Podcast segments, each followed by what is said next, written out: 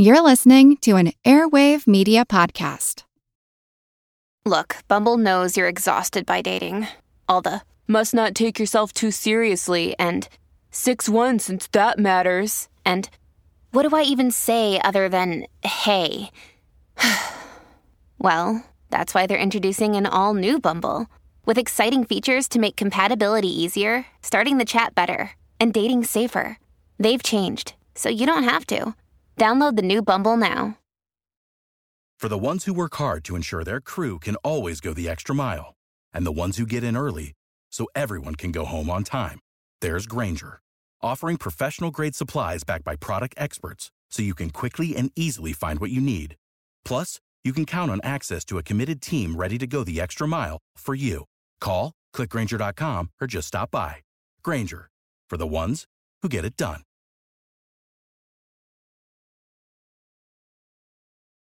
This is Kick Ass News. I'm Ben Mathis. Hey, folks. Ben Mathis here with a couple important announcements. You know that we have great advertisers that support the show and keep it free for you to listen. And one of the reasons why advertisers love Kick Ass News is that they know the show has amazing listeners. Right now, we have a survey that I'd like you to take to help us learn more about our audience. Just go to podsurvey.com/kick. The survey will only take 5 minutes. We're going to ask you some questions about yourself and what you like to buy, but it's completely anonymous, and your answers will help us find advertisers that are well matched to you, your interests, and the show. And as a way of saying thank you, when you're finished, you can enter a monthly drawing to win a $100 Amazon gift card. Even if you've taken our podcast listener survey before, I'd like to ask you to take this one and help support the show. It'll be a big help to me, and don't forget that you have a chance to win that $100 Amazon gift card. Once again, that's podsurvey.com slash kick. That's K-I-C-K. Thanks for helping us find the best advertisers so that we can keep the show free. Also, the holidays are upon us, and if you're like me, you'll skip the madness of the stores and do most of your shopping on Amazon this year. And if you're going to be doing that anyway, then help support the show by going to the sponsor page on our website at kickassnews.com and copying and pasting the Amazon link there into your web browser before you start ordering. Then Amazon will toss us a little something for every purchase you make this holiday season. You have to shop for gifts anyways. They've got just about everything you can imagine on Amazon delivered right to your door. It won't cost you anything extra, and you can help support the show. So it's kind of like giving two gifts for the price of one this year. And that, my friends, is what you call a Christmas miracle.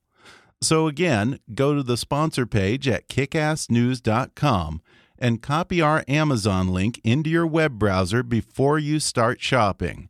And if you feel extra generous this Christmas, then make a donation to keep us going over here at gofundme.com slash kickassnews. Thanks for listening and enjoy the podcast. That's another thing is why do we why do we look up to God? You don't have to look up to God. That doesn't come from theologians. Theologians will tell you that God is everywhere. That comes from Cecil B. DeMille. Cecil B. DeMille taught you want to talk to God, you got to look up there. The sky is to turn pink, and the mules get restless, and, and Victor Mature hovers around in the background. That was a clip from my guest today, Emmy Award winning actor, director, writer, and comedian's comedian, David Steinberg. Born in Winnipeg, Canada, David Steinberg went to college at the University of Chicago, where he became a part of one of the earliest casts of the legendary improv troupe Second City. He then moved to New York City to try his hand at stand up comedy. Known for his irreverent wit and his signature comedic sermons from the Old Testament, Steinberg was one of the most popular comedians during the stand up comedy wave of the 60s and 70s.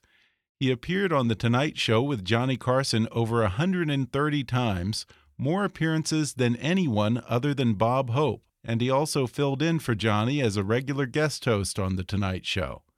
Following his hilarious and infamous appearance on the Smothers Brothers Comedy Hour, he wrote and starred in The David Steinberg Show. TV Guide said his show was, quote, offbeat, racy, outrageous, and establishment baiting, all of which makes him a particular favorite among the young and disenchanted. One of the first sketch comedy shows, The David Steinberg Show launched the careers of fellow comics Joe Flaherty, Martin Short, and John Candy. He then decided to step behind the camera and embark on a prolific career as a film and television director.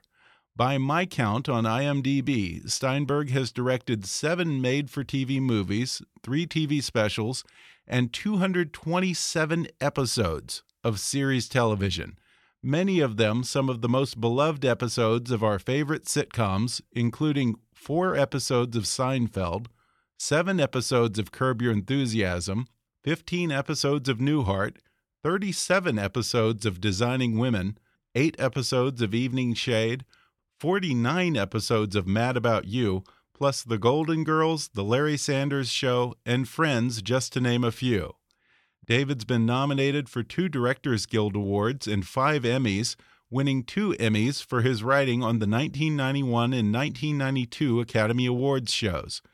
He also received a Cable Ace Award in 1992 for his stand up comedy special, Cats, Cops, and Stuff. More recently, he's been the subject of a documentary called Quality Balls, and he's hosted four seasons of the Showtime series Inside Comedy, where he interviews his fellow comedians, both young and old. A format that he's also translated to a new podcast called, appropriately, the David Steinberg Podcast. On today's show, David Steinberg will talk about how being part of the early days of Second City forced him to raise his game and broaden his horizons as a comedian. He'll talk about guest hosting on The Tonight Show and his friendship with Johnny Carson, and how his appearance on the Smothers Brothers Comedy Hour single handedly got the most popular show on television canceled. Plus, being best man at a gangster's wedding, how he wound up on Nixon's enemies list and why David Steinberg says I should definitely not try stand up comedy. Coming up with comedian David Steinberg in just a moment.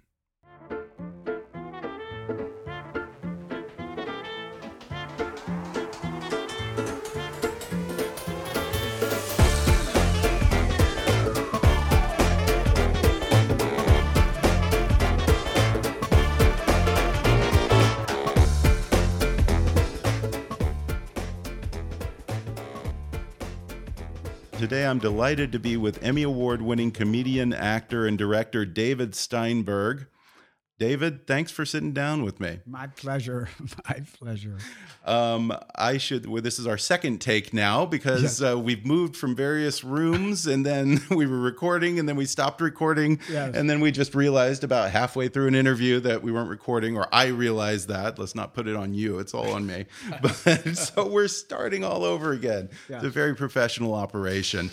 Um, I just want to thank you because I, you know, I never really appreciated stand up comedy most of my life. I always used to go to clubs and I would find myself sitting through five or six comedians, rolling my eyes, you know, waiting and waiting for someone that resonated with me. But it's only after watching your show, Inside Comedy, and listening to your podcast where you actually talk to comedians and talk about their process and the history of comedy and the comedians that inspired other comedians that I started to really appreciate it and want to make the effort to seek out the comedians that resonated with me.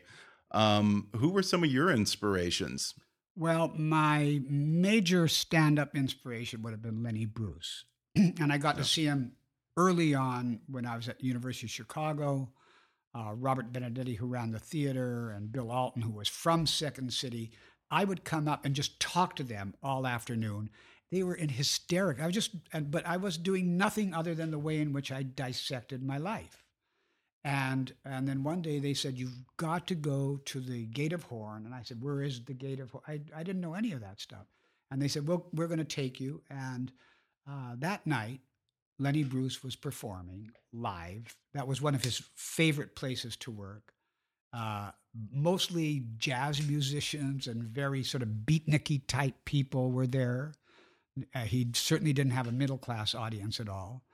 And uh, I just couldn't get over how bold he was, how he didn't force the audience on, into his point of view because he didn't need to, because it was so strong anyway.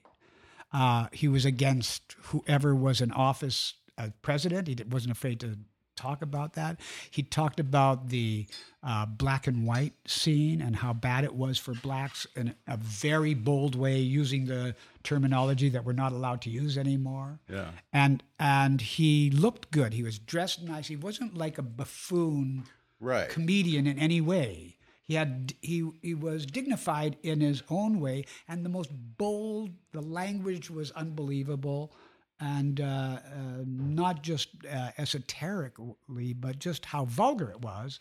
but not to me, and not to my friends, and certainly not to a lot of people who were into jazz and into what was happening, sort of the Yeah. counterculture. Yeah, and it's funny because your first rave review that you got in your New York years after you left Chicago, I think the reviewer said that you were a cross between Lenny Bruce and Woody Allen. Yes, yes, it, yeah. I, I, that's probably That's pretty most, good. most flattering first review in New York that you could get. And I was working, I was working at the bitter end and working in the club. And then one night, I just didn't have a big audience. I had, uh, you know, there bitter end was about two hundred people. hmm And usually there would be 120 people, some of them just coming in, whoever was there. And I didn't really have a big following at that time, but people were starting to get a hold of me. Richard Pryor was working across the street at the Cafe Au Go Go, and we were very good friends, and we would compare notes. After, and he was a very, I wouldn't say a clean comedian, but he wasn't the Richard Pryor that you know now. Yeah. And I, and I wasn't the David Steinberg that we sort of know now. Yeah. But uh, it was a terrible night. Uh, Richard came across because he hardly had an audience and didn't do a show, and I had six people in the audience. so I said, "Oh, we I can do a show for six people." He said, oh, "David, you have to. These people are here, and you know." And I thought, "This is ridiculous. I can't make a community out of six people." And uh, and he said, You just got to. So I went out there and I thought, God, these six people, I just got to give them the best possible show I can because they're there. Yeah. And, you know, ironically, most comedians will tell you this when you have a small audience, let's say of six people, you you don't hate the people that aren't there. You hate the six people Yeah. because you have to perform for them. Yeah. so you have to get over that hostility and work it out. Anyway, I they were laughing and they were adorable. I I remember and, and I actually met one of these people just about two years ago that he was in that that show. He Oh, was in the audience that time, and he said his cousin and he were there, and they've heard me talk about that. Uh, anyway, so I uh, I did the the the best show that I possibly could, and uh, and I thought, well, you know, uh, this is going to be over because you can't make a living on six people. Yeah. And um, I went back to my apartment in New York. I was living with uh, Mary Ellen Mark, who's a well-known photographer, and and she was consoling me. And then Carly Simon, who was a very close friend of mine, The singer. yeah, yeah. and I just went to sleep because God, six people. What what could it be? And then early in the morning, uh, Carly called. She was, I think, above me at that time with her sister Joanna and Lucy. And he said, he said, Duddy, that's my nickname, but Duddy, have you seen the New York Times? And I said, why? I'm not going to see the New York Times. I'm just getting up. I was up so late. So just, you've got to go down. You've got to, I'll come down in a second. anyway, the, one of those six people was a reviewer for the New York Times, Dan Sullivan. Wow. Talk And- about good fortune. And he said, David's headline was David Steinberg, a cross between Woody Allen and Lenny Bruce. and that's where that allusion yeah, came. that's that's not Yeah. bad at all. not bad. And just how lucky and how circumstances, how circumstantially you have to be rewarded in some way. You can't just make it on your own. Well, yeah, that, you know that's like something out of a movie. When it's always when someone's on their last leg and every they're about to lose it all, that Yes. then something Yes. happens Yes. somehow. Yeah. yeah. No, that's amazing. Yeah, something just made me. They were. I thought, God, these guys are so likable. They're just sitting there, and and uh, and I did the whole show, which was amazing. And it changed my career. Yeah, The next, that's amazing. The next night, um, I came to work and I thought, wow, there'd been an accident. I couldn't get over why there were cars and, and they were lined up around the block at the bitter end. wow. And, uh, And the rest and is they kept me, yeah, they kept me there for a month. And two weeks after I was there, that's when the Tonight Show Yeah. came by and saw me, and that's why then Carson said, "I want, I want this guy." Well, coming to New York was kind of a bold move for you because you left Second City. I mean, you were one of the stars at Second City when Second City was really first taking off. Yes. You left that, this improv Second City world, to come to New York, take a shot at stand up. Yes. What was that transition like? Was that hard? everything helps you. You need you need Yeah. information for stand up. I mean, for a stand up comedian to be good, he's got to be very smart, very informed, and have a sort of unique vision. And at Second City, you're trained to do that as well. But uh, I had these sermons that I was doing at Second City, Yeah. And uh, that got me known. Uh, the Newsweek came around, and they started to follow me, and things started to happen. You were talking about Second City and how just to thrive in that environment, you had to have all these references. You had to be up on the culture. You had to know history. Yeah. And at some point, someone said to you, as a Jew, you had this reference of all all these stories from the Old Testament. Yes, To I- draw on. He's like, use that. Yeah, I was I was at uh, yeshiva at a theological school when I was 15, so I knew this better than anyone. So at Second City one night, they the McCormick Theological Se- uh, Seminary was a block away from Second City, so they were our biggest audience. Really? yeah, and they were there all the time, and uh, and uh, either Paul Sills or Sheldon Patinkin, and one of the directors, said, "Why don't you use your background from the yeshiva, from this, uh, you know, the Bible? Why don't you use that?" And I thought, you know, I'm a comedian now. I'm not going back to that. You know, that was Yeah. something that I had left behind in my mind, but I didn't understand it. And Paul Sills was very adamant. I said, no, you should go out there and do something about the Bible. So they sug- the suggestions at the end of the show, you get suggestions, and one of the suggestions was Moses. so we were trying to figure out how to do a sketch on Moses, and then uh, Paul Sills came back and said, "David, do a sermon. Go out and do a sermon." I said, "On what?" Said, "On Moses." That's what they suggested. so uh, I went out, and of course, I know everything about. I know the story. I know the detail. and as it came out, it just rolled off my tongue, and it was just so much fun and so funny. I didn't even think of how irreverent it was. Yeah, and Yeah. they have recordings of these now of Yeah. these sermons that you would do, and it's funny because it's like you play with the language of the Bible, and Yes. there's so much good source material yes, in there. yes. Oh yeah. I mean, uh, that night I got one of my favorite lines was, "And God destroyed all of the land with that mystical sense of humor that is only His." so that came right away, and I thought, "Oh, this is gold. I'm going to stay here for a while." Yeah, and that kind of got you in trouble, I guess, a little while later when you I'll were on the. Smothers Brothers show. I'll say. You you have the distinction of being the guy that closed the number one show on television Absolutely. at the time. It was, and uh, it was these sermons that did it. Yeah.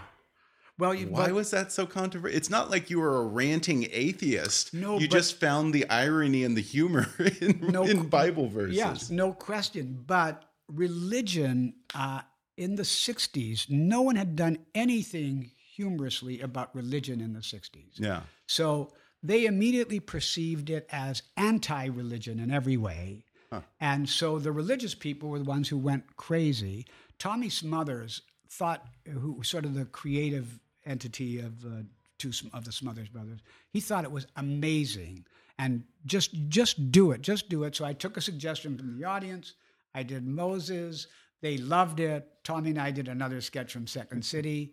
And uh, then the next week, I went back to New York. And then Tommy said, "Come on back and let's do another show." And I said, "Sure." And he uh, he said, "I want to show you something." And we were walking backstage at CBS, and he said, uh, and there was a door there, and he had a, a key to unlock it, and there were duffel bags all over this room. And I said, "What's that?" He said, cheerfully, he said, "That's your hate mail." I said, "What do you mean by hate mail?" He said, "This is the most negative response that anyone has, any variety show has ever received in the history of television. You got to be proud of that. just got- because you were talking about the Bible, just because that Yeah. was your source material there. yes, you can't Uh, mention God. And what is it? There was a great line as you referenced. Uh, uh, God said in His redundant way, or something like that. Take off your shoes from off of your feet, God said in his redundant. way. Yeah. there were all these little things like that. Yeah. Were, well, were you surprised when the network called Tommy Smothers bluff and actually pulled the plug on the number one television show over this? They didn't pull the plug Oh, they didn't? on that one. They just gave Okay. an, an extreme warning. And then Tommy Okay. said, come back again. And then we did a, a sketch the next week. Okay. And the next week, after when we did that sketch afterwards, Tommy said, I didn't know that CBS had said, don't let Steinberg do another sermon. But I was, you know, I certainly saw all the negative mail. Yeah. So, and Tommy said, you know, the audience is going crazy for you. Why don't you just do another sermon? And I, you know, basically, I didn't need any preparation. All they had to do was give me any suggestion. Yeah. And uh, they gave me another suggestion. I did it. They that show never got on the air. and uh, the Smothers Brothers, literally, imagine this today. There were only three networks then. The Smothers Brothers were the number one show in the country. They had just beaten in the ratings Bonanza, which was a huge thing Yeah. on CBS or wherever it was, NBC, and uh, and they took the Smothers Brothers, they threw the Smothers Brothers off the air. How, how does any network exec just ignore ratings like that? what, yeah. what uh, what was their what was their rationale? How do you go back to the shareholders and, and explain that? Well, ex- explain why you went and did it again, or explain what part of it. what canceling the number one Oh, show? yeah, Your network has the oh. number one show, and you cancel it. Yeah, they they had to do it because of the religious response, which you no no show, no person, Wow. no no one had ever had that kind of response uh, on television. Not proud of it, but that's what the story is. Well, yeah, and you you didn't exactly shy away from political controversy either, to the point that you ended up on Nixon's enemy list. Proud, I'm proud to say I was on his enemies. Well, there's a, you tell a crazy story about how you got visited by the FBI one time, and it ended up not quite being what you thought it was. What happened there? I performed on, on the colleges, and that was the underground, and that was building uh, as, Yeah. as for the music, for the comedy, for everything. So I was very popular on that circuit, and my agent, the same agent that kept on talking that he has to be on the air after five times not being on there. That agent said, Plaza Hotel is the most prestigious place. They're opening the Oak Room. They want you to star in it. So that was the biggest offer that I had ever had. Yeah, Monetarily, Wow. it was fine, but it was huge. And there were three quarter page ads in the New York Times for that New York Times for that opening. And that audience, because of P- PR people, were made for this kind of thing. There, there was I, Streisand was there. Every major actor, uh, the biggest stars, and I, I couldn't get over that they were all there to see me. And I was going to do basically what I did in the village. And I'm not sure that the Greenwich Village, I'm not sure that that would have worked. And as you suggested, a knock on the door, and I thought there was time to take me downstairs, and there were two big FBI guys, and uh, one, and they said, you know, Mr. Steinberg, we've had an assassination threat that came through the switchboard, and if you do your uh, Nixon material, it wasn't even Moses at that time, your Nixon material, uh, someone is going to take a shot at you. And my you know you've arrived when you arrived when you get an assassination threat. believe me, if, if if it sounds scary, it was scary. Yeah, I'll you bet. don't you don't know that it's not going to happen, Right. But uh, so my family said you can't do this, you can't go on. But it was a huge, you know, huge prestige audience, and I thought it wasn't that. But if I don't do this now, Yeah. I'll, I'll always stop. I'll never do it, and and uh, I'll, I'll, never do it. So um, I went out there and I did started without the the material on Nixon, and then I just couldn't resist it, and I went into it. And of course, it's a very liberal crowd, Yeah. so there they went crazy for it. and uh, and the two guys who were the police, they said, you know, uh, Mr. Stein, we're gonna we're gonna stay with you because we don't know when this is going to cease and all of that. And they stayed with me, and uh, later on, I I found out that they were just investigating all of my friends and me. Wow. Yeah. So they weren't there to protect you at all. They were just keeping tabs on you. They certainly didn't want. We became friends, actually. Oh, really? I, I certainly didn't want. They didn't want anything bad to happen to me, but their job was to let everyone know who's around and what's he doing and stuff. Whatever. Oh, okay. Well, yeah, yeah. Yeah. It's a Well, Nixon was- subversive crowd that uh, would show up to a David Steinberg show, you know? Well, Nixon was so uh, uh, nutty in a way Yeah. that you could imagine. We're going to take a quick break, and then I'll be back for more with comedian David Steinberg. Back in just a moment.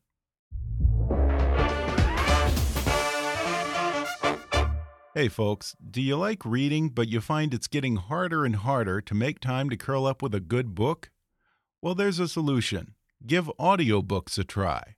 They're perfect for your commute to work or if you're working out at the gym, a relaxing bath, or any time really.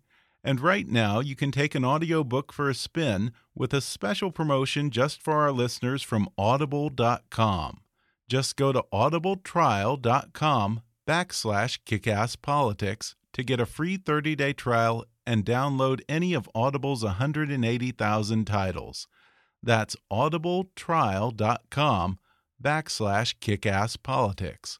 Or click on the sponsor link on our webpage to download the free audiobook of your choice. And now back to more with funny man David Steinberg.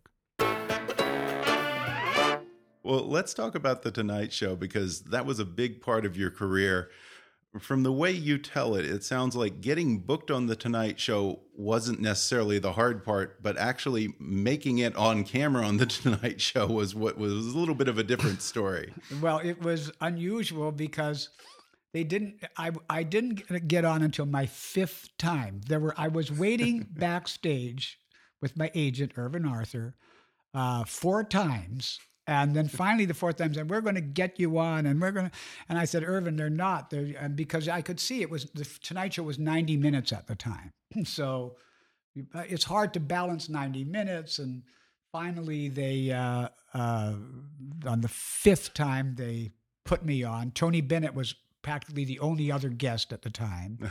And Tony Bennett, who's an incredible singer, is not exactly Mr. Words, and he was like George Bernard Shaw that night. He was like, he was Johnny was laughing, everyone was laughing. He was defining things and all of that. And then, uh, fortunately, they finally snuck me on, and uh, I, uh, my mother was very happy about that. And, and wasn't there? There was a great kicker to that, where uh, your agent was was saying, "I'm so upset at this. I'm so I'm so pissed off, and I, I'm never going to deal with the Tonight Show again." And then Tony Bennett at the end goes on to sing, uh, uh, "What was it?" Uh, I, I left my heart in San Francisco, and and uh, Irvin Irvin Arthur who said, they, "How can they treat you like this?" Was the night before? How can they treat you like this? This is just disgusting. It's terrible. They don't. They got to know who you are. And as he was in this tirade, as we were walking out in our big winter coats, uh, Tony Bennett said, "Now I'd like to sing." I left my heart in San Francisco, and Irvin said. Wait a sec, David. I love this song. so, so we had to stay there in our long coats, waiting for Tony Bennett to stab me in the heart. yeah, the nerve. Sing a song that annoyed me as well. well, you did finally get on, and uh, Johnny loves you. Apparently, we- yeah, we- we- he took to you just instantly. Yeah, we connected. Uh, again, the advantage I had was the improvisation from 2nd City. So I would never totally plan out what I was going to say, but I gave Johnny subjects, and he would know where the beginning and the end is, and that's it.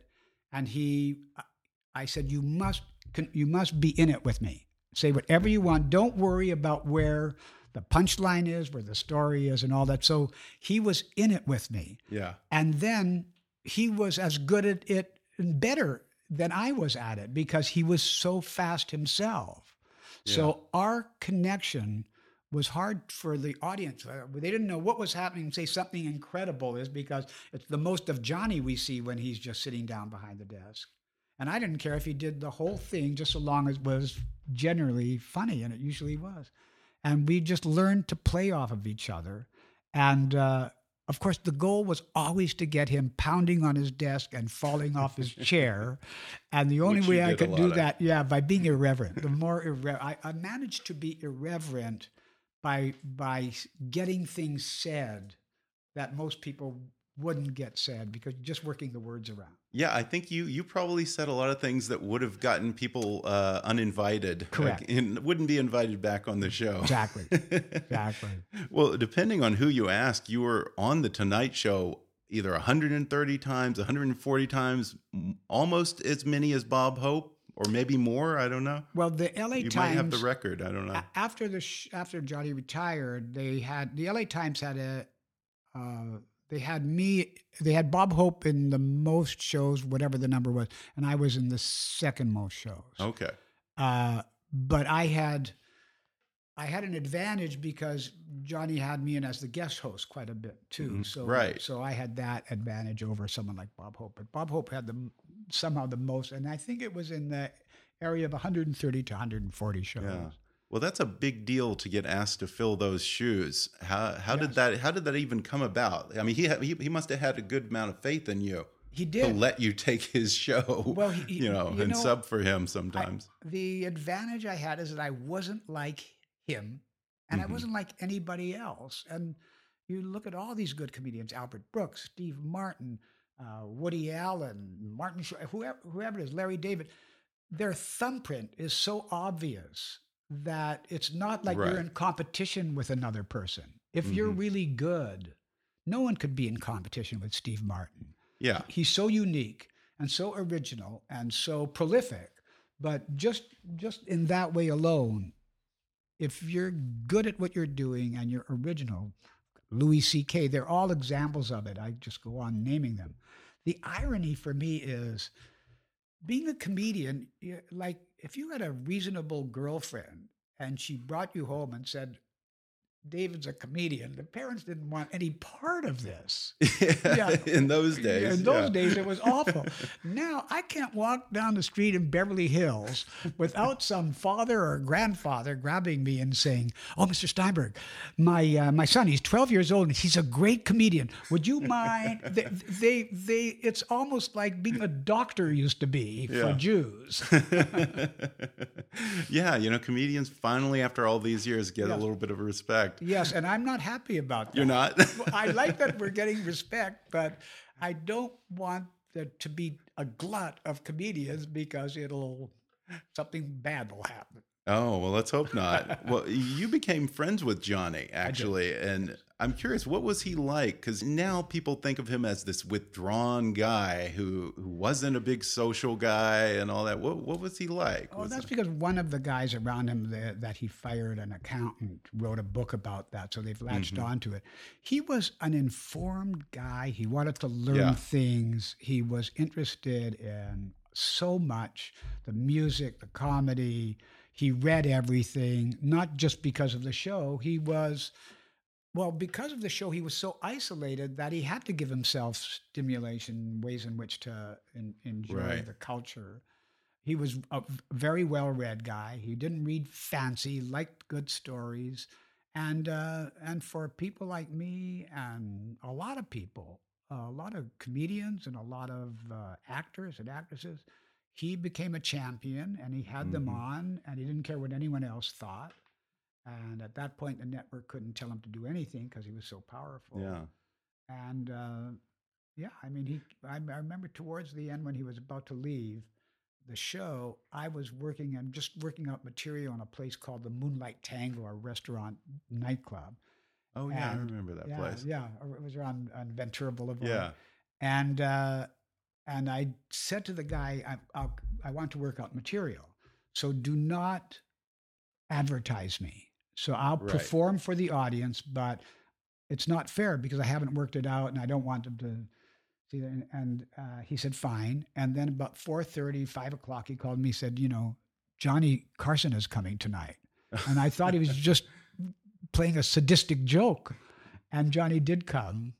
And uh, imagine how excited that audience was. They were not ex- excited to see me as Johnny, but it made it such a Yeah, exciting, incredible thing. I'll bet. So in that way, he was a supportive guy. Yeah, and and there's no one in late night or really anywhere that's fulfilling that role that he did, taking a chance on young comedians, unheard of comedians, Yeah. who had you know I guess the reputation and the power to be able to just throw out someone you know alongside Tony Bennett and all Yes. these superstars, Yeah. and take a risk like that. Yeah. I don't know of any anyone that's doing that now. No, because when you're doing the shows now, and there's so many people doing the talk shows, they're all, they're all good. Some are better, some are have good days and bad days, but eventually you all are interviewing the same people.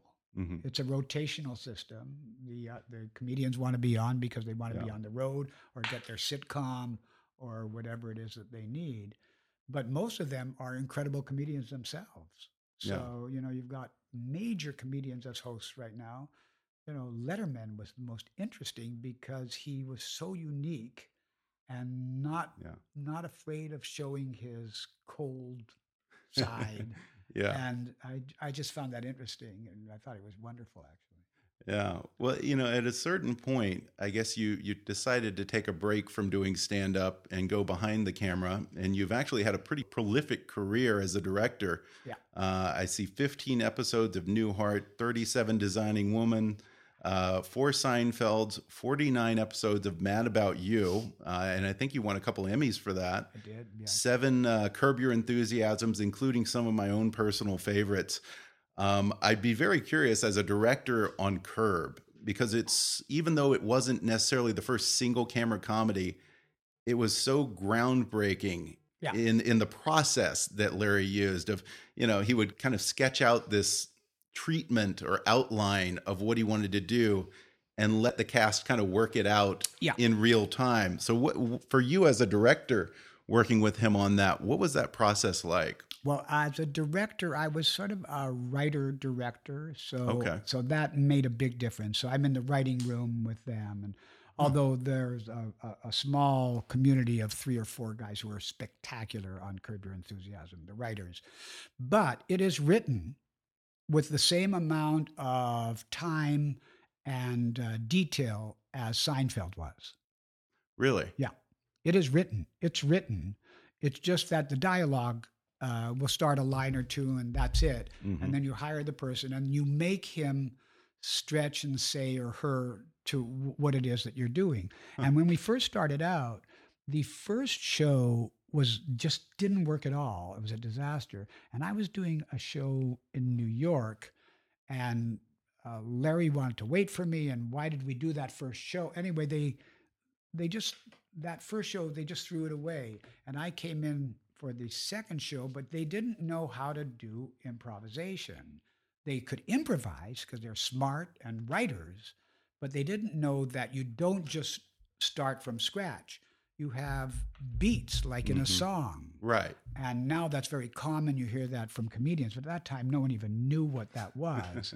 but uh, but so you it every single show is written as detailed and as hard as Mad About You was, Okay. Designing Women, any of the shows that I worked So on, maybe he- even more show because they never Okay. stopped writing. 'Cause- So he sets up the or you guys would set up the situation, and then would you put in certain lines No. that to work around, or it was all that was improvised? Uh, y- y- uh, Larry would have lines. Okay. you know, because we wouldn't we were writing it, and Larry would Larry would have lines, and the uh, the actor, whoever that was, uh, we just let him respond, and then we would give him lines and say this and say that. that all good actors can improvise Yeah. so long as they get a feeling of what the character is. And then we gave them the boundaries and like that.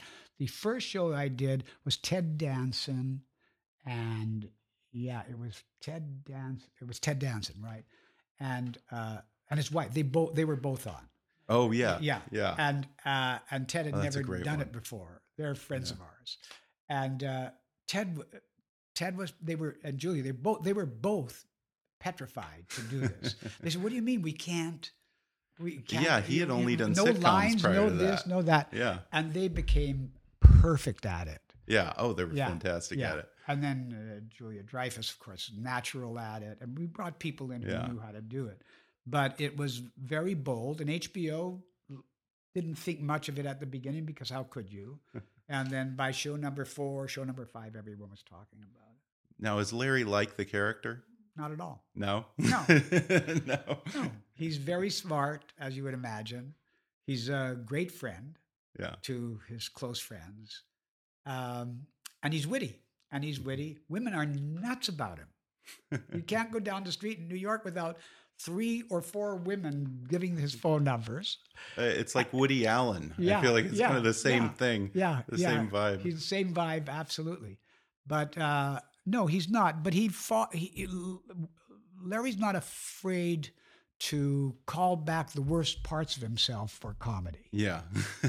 more than anyone else. Yeah, because yeah. he fe- he feels that's what people will identify with. And It's Yeah. certainly not wrong. Yeah, and the, the, it's weird. I don't know what this says about me, but there are episodes that I really relate to. There are episodes where I said that happened to me. Yeah, so, you know, you can't believe how many people on the street, odd types at all, you wouldn't Yeah. expect them to say, I love that show. That's me. And uh, wives will say, it's my husband. And, you know, um, when Larry and I do a show together where it's just the two of us on stage, it's so interesting when he takes questions from the audience. And mostly it's women hitting on him.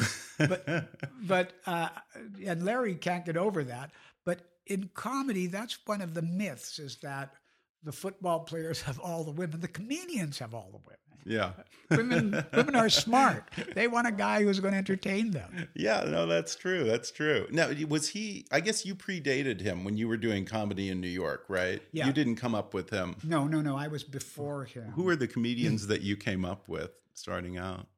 Oh, I remember just a few. Gabe Kaplan was around at the Mm-hmm. time as a comedian. Uh, uh, he used one of my pieces as one of his stepstones, but he he was uh, but he he became this incredible card sharp. You know, he he's he plays.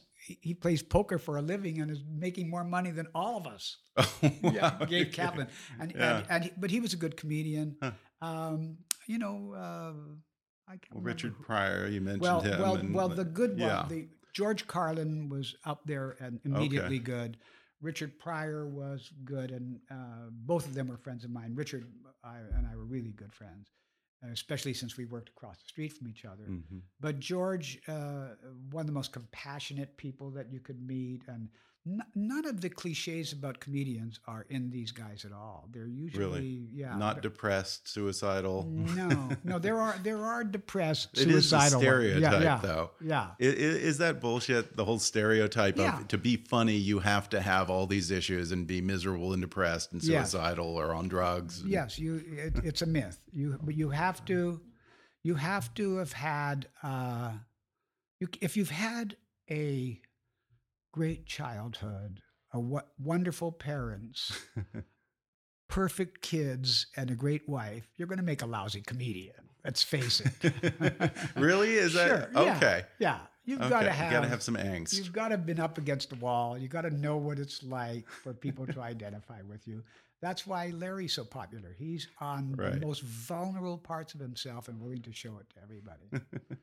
More recently, you've been the comedian who interviews other comedians for Yeah. sit down comedy on TV Land and Yes. inside comedy on Showtime, the David Steinberg podcast. Yeah. Do you see yourself now as sort of an archivist of, I don't know, all this comedic history and these stories? no, I'm not a historian type, and especially for comedy. I just know it. I know everything about it because Yeah. it's been my life. But uh, no, I, I didn't think anything of it. Uh, these are all friends of mine. Yeah. uh, some a lot of them I've helped start their careers. A lot of them have struggled, and I, you know, and and a lot have been help really helpful to me. So, I I you know the way um, musicians love to be with other musicians. Mhm. Jazz musicians Yeah. like to be with jazz musicians. Uh, the, the good comedians are all like that. And they're not assholes, which people think they are. I just want to go on record and saying that. Well, that's good. Well, you know, and I have noticed in listening to your interviews when you talk to other comedians who've worked with you, they talk about how you were difficult back in the day when you directed me in this and that. Yeah. What, yeah, you were kind of hard on me. You were kind of difficult. You, when I see you now and, uh, and on the show, Yeah. you seem like the nicest comedian I've ever eh, heard, even heard of. yeah. I I can't get over that. Robert Klein and I were sort of competitors when we were at Second City at the same Oh, same right. time. Yeah, I just heard you just did an episode with him. Yeah, and yeah. I really enjoyed it. Yeah. and I said to him, you know, I must have been so annoying with how because I I I I owned the place. He said, "You did." That you did. You owned the place, but you deserved it. You know, he's so flattering, and uh, yeah, it's amazing how Robert and I were. Well, Robert became an actor. Robert is a good actor, Yeah. so I, I was not that interested in acting myself. Yeah. So that was good. That helped us. Well, you know, interacting with all these comedians just naturally in life and in interviews, aside from having to have some kind of dysfunctional thing in their life, or is there any common thread that you've picked up on with great comedians? Because you've interviewed young and old all over the spectrum. Yeah, uh, uh, some vulnerable, very vulnerable part of their life is important. That something happened to them in some way that they had to get around it, they had to come back from it, and all that. You need to have a version of that. You need you need to keep. I mean, to be creative, you got to keep on failing. Unfortunately, you don't learn anything from success. Right. But once you failed, you figure it out, you come back, and then you beat that. Well, then you're on the path of sort of doing it right, as far as I'm Yeah. concerned. Well, then, you know, I have to ask you then, because for the longest time, I have, I'm, I'm kind of known for spouting off on this particular theory that I have. I tell friends all the time, I think everyone, not just comedians, but everyone should have to do a five to seven minute set at an open mic night. In my mind, I have this theory that, that for anyone, doesn't matter who, that would be some kind of profound growth experience uh, in terms of humility and Yes. empathy and you know learning about yourself and all kinds of Yes, stuff. yes. Uh, am I out of my mind? Well, most people would find out how truly boring they are. yeah, yeah, yeah. I'm prepared for that. Yeah. Uh, after that, uh, who cares? You know, uh, but comedians are not boring. Yeah, that's for sure. Well, you see, now all of my friends they they've started to call me out on that. I'm like, you always say that, but I've you've never actually done it. So Yes. yeah, yeah, one of these days, I think I'm going to have to actually try it and back up my BS here. Uh, any advice for me? Uh, don't do it. Don't do it, really? yeah. really? Okay, it's a Pandora's box. It's not going to be rewarding in the way that you think it is rewarding. Really? Yes. See, I think that I would. I, I feel that I'll be a better person after going in front of a crowd and being humbled, or or or maybe I'll get up there and kill. Probably not. No, talk to your minister and he would agree with you. Okay. Talk to another comedian, say, why go through all that shit Really? when you don't have to? That's true. Okay. Okay. So there's nothing to be gained. Really? Okay. Not really, no. Yeah. Well, it was like acting. It's like, you know, anytime when it comes to LA, someone comes to LA and they want to be an actor, I'm like, if you can be happy doing anything else on earth, Yes, do that. Yes. This is not something Yes. that's a hobby. exactly. exactly. well, before we go, I have to ask you because I was reading your Wikipedia. Uh, you know, I'm it's talking about Second City and Johnny Carson show, and then you know stand up comedy. Then all of a sudden, there's like one line there that says, "In 1972, Steinberg was best man at the wedding of his friend gangster Crazy Joe Gallo of the Colombo crime family." Yeah. Now, can you talk about that, or are you still bound to the code of omerta? No, it was never Omerta. Okay. But uh, but in fact, I uh, I do talk about that when I when I do stand up these days. I've been doing it a little bit in uh, at Rick Newman's club in New York. Uh, what's it called? The uh, tri- the Triad. Yeah, I've been doing it there for about 200 people.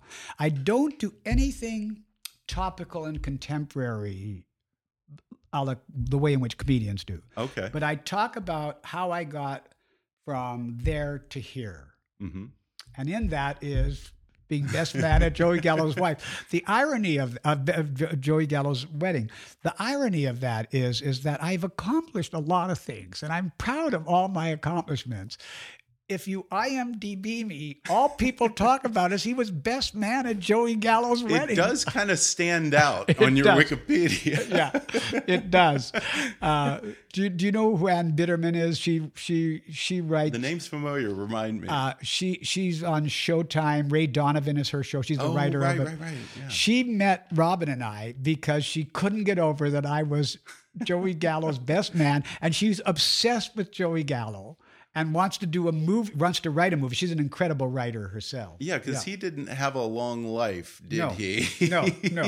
The night that uh, that he was shot, I was with him actually, and didn't Really? go to the second. Yeah, it, it's another interview. Yeah, and- and- okay. and it's another- but okay. but I'll I will tell you this: uh, I liked him, and I and I knew that he, you know, And and you knew who he was. Oh, I knew you- who he was was. not a yeah, a mystery to you. no, Okay. he said something to me when I met him. He, he Jerry Orbach was was What do you say? You're you're a funny guy. Hey, hey, No, hey, he- Steinberg, come here. You're a funny guy. no, he, no, You. he, he said something that I knew I was going to remember for the rest of my life. And that is because we got to talking a little bit. We were having brunch at Jerry Orbach's, and he said, he said, uh, you know, David, uh, in Attica, you were everyone's favorite. I'm kind of I'm not even sure how I would take that. what does that even mean? I, I just, I just knew I was going to remember it for the rest of my life, and I do. Oh my God. Well, you know, uh, David Steinberg, it's been so much fun talking to you. Thank you. Um, I love Inside Comedy. You can Thank still you. see it on Showtime. Uh, you also have a documentary called, uh, I think, called Quality Balls. Yes. Which I think, who does that come from? Is it Seinfeld? Yes, yeah, Who they said asked- that? You said you did something like you don't just have balls, you have quality balls. Yeah, yeah. How do you describe Steinberg? He has quality balls. They're sweet of Jerry, actually. And of course, there is uh, the podcast, the David Yes. Steinberg podcast, which Yes. folks can get on iTunes, just like this yeah, one. Yeah. Okay. Yeah. Fabulous. Yeah. Well, David, thank you so much. Thank this has been such It's a pleasure. So great to talk to you. It was just really fun. enjoyed it. Thanks again to David Steinberg for coming on the show. And if you enjoyed today's episode, then subscribe to his podcast, The David Steinberg Podcast, on iTunes. Some of his recent guests have included Bob Saget, Robert Klein, Mel Brooks, Martin Short, Eugene Levy, and many more. It's comedians talking to comedians. What could be more fun than that? So I'll include a link to that in the show notes and on our website, as well as a link where you can order that interesting and hilarious documentary on David Steinberg called Quality Balls. You can also watch episodes of the past four seasons of Inside Comedy on demand on Showtime. You can visit David's website to keep up with what he's up to at thedavidsteinberg.com and follow him on Twitter at David underscore Steinberg. He's one funny guy. And don't forget to take our listener survey so we can keep this show free and find other advertisers who are best matched to you, our listeners. Just take five minutes to go to podsurvey.com slash kick and take the survey. And when you're done, be sure to register for that $100 Amazon gift card giveaway. And once again, before you start your Amazon shopping this Christmas, visit the sponsor page on our website at kickassnews.com and copy our Amazon link into your web browser first. Then Amazon will kick us a little coin for every order you make this season. Be sure to subscribe to Kickass News on iTunes and leave us a review while you're there. You can visit Kickass News on Facebook or follow us on Twitter at, at KAPolitics. And please be sure to recommend Kickass News to your friends on your social media. And if you really want to help out, then donate to our GoFundMe campaign at gofundme.com slash kickassnews. As always, I welcome your comments, questions, and suggestions at comments at kickassnews.com. For now, though, I'm Ben Mathis, and thanks for listening to Kickass News.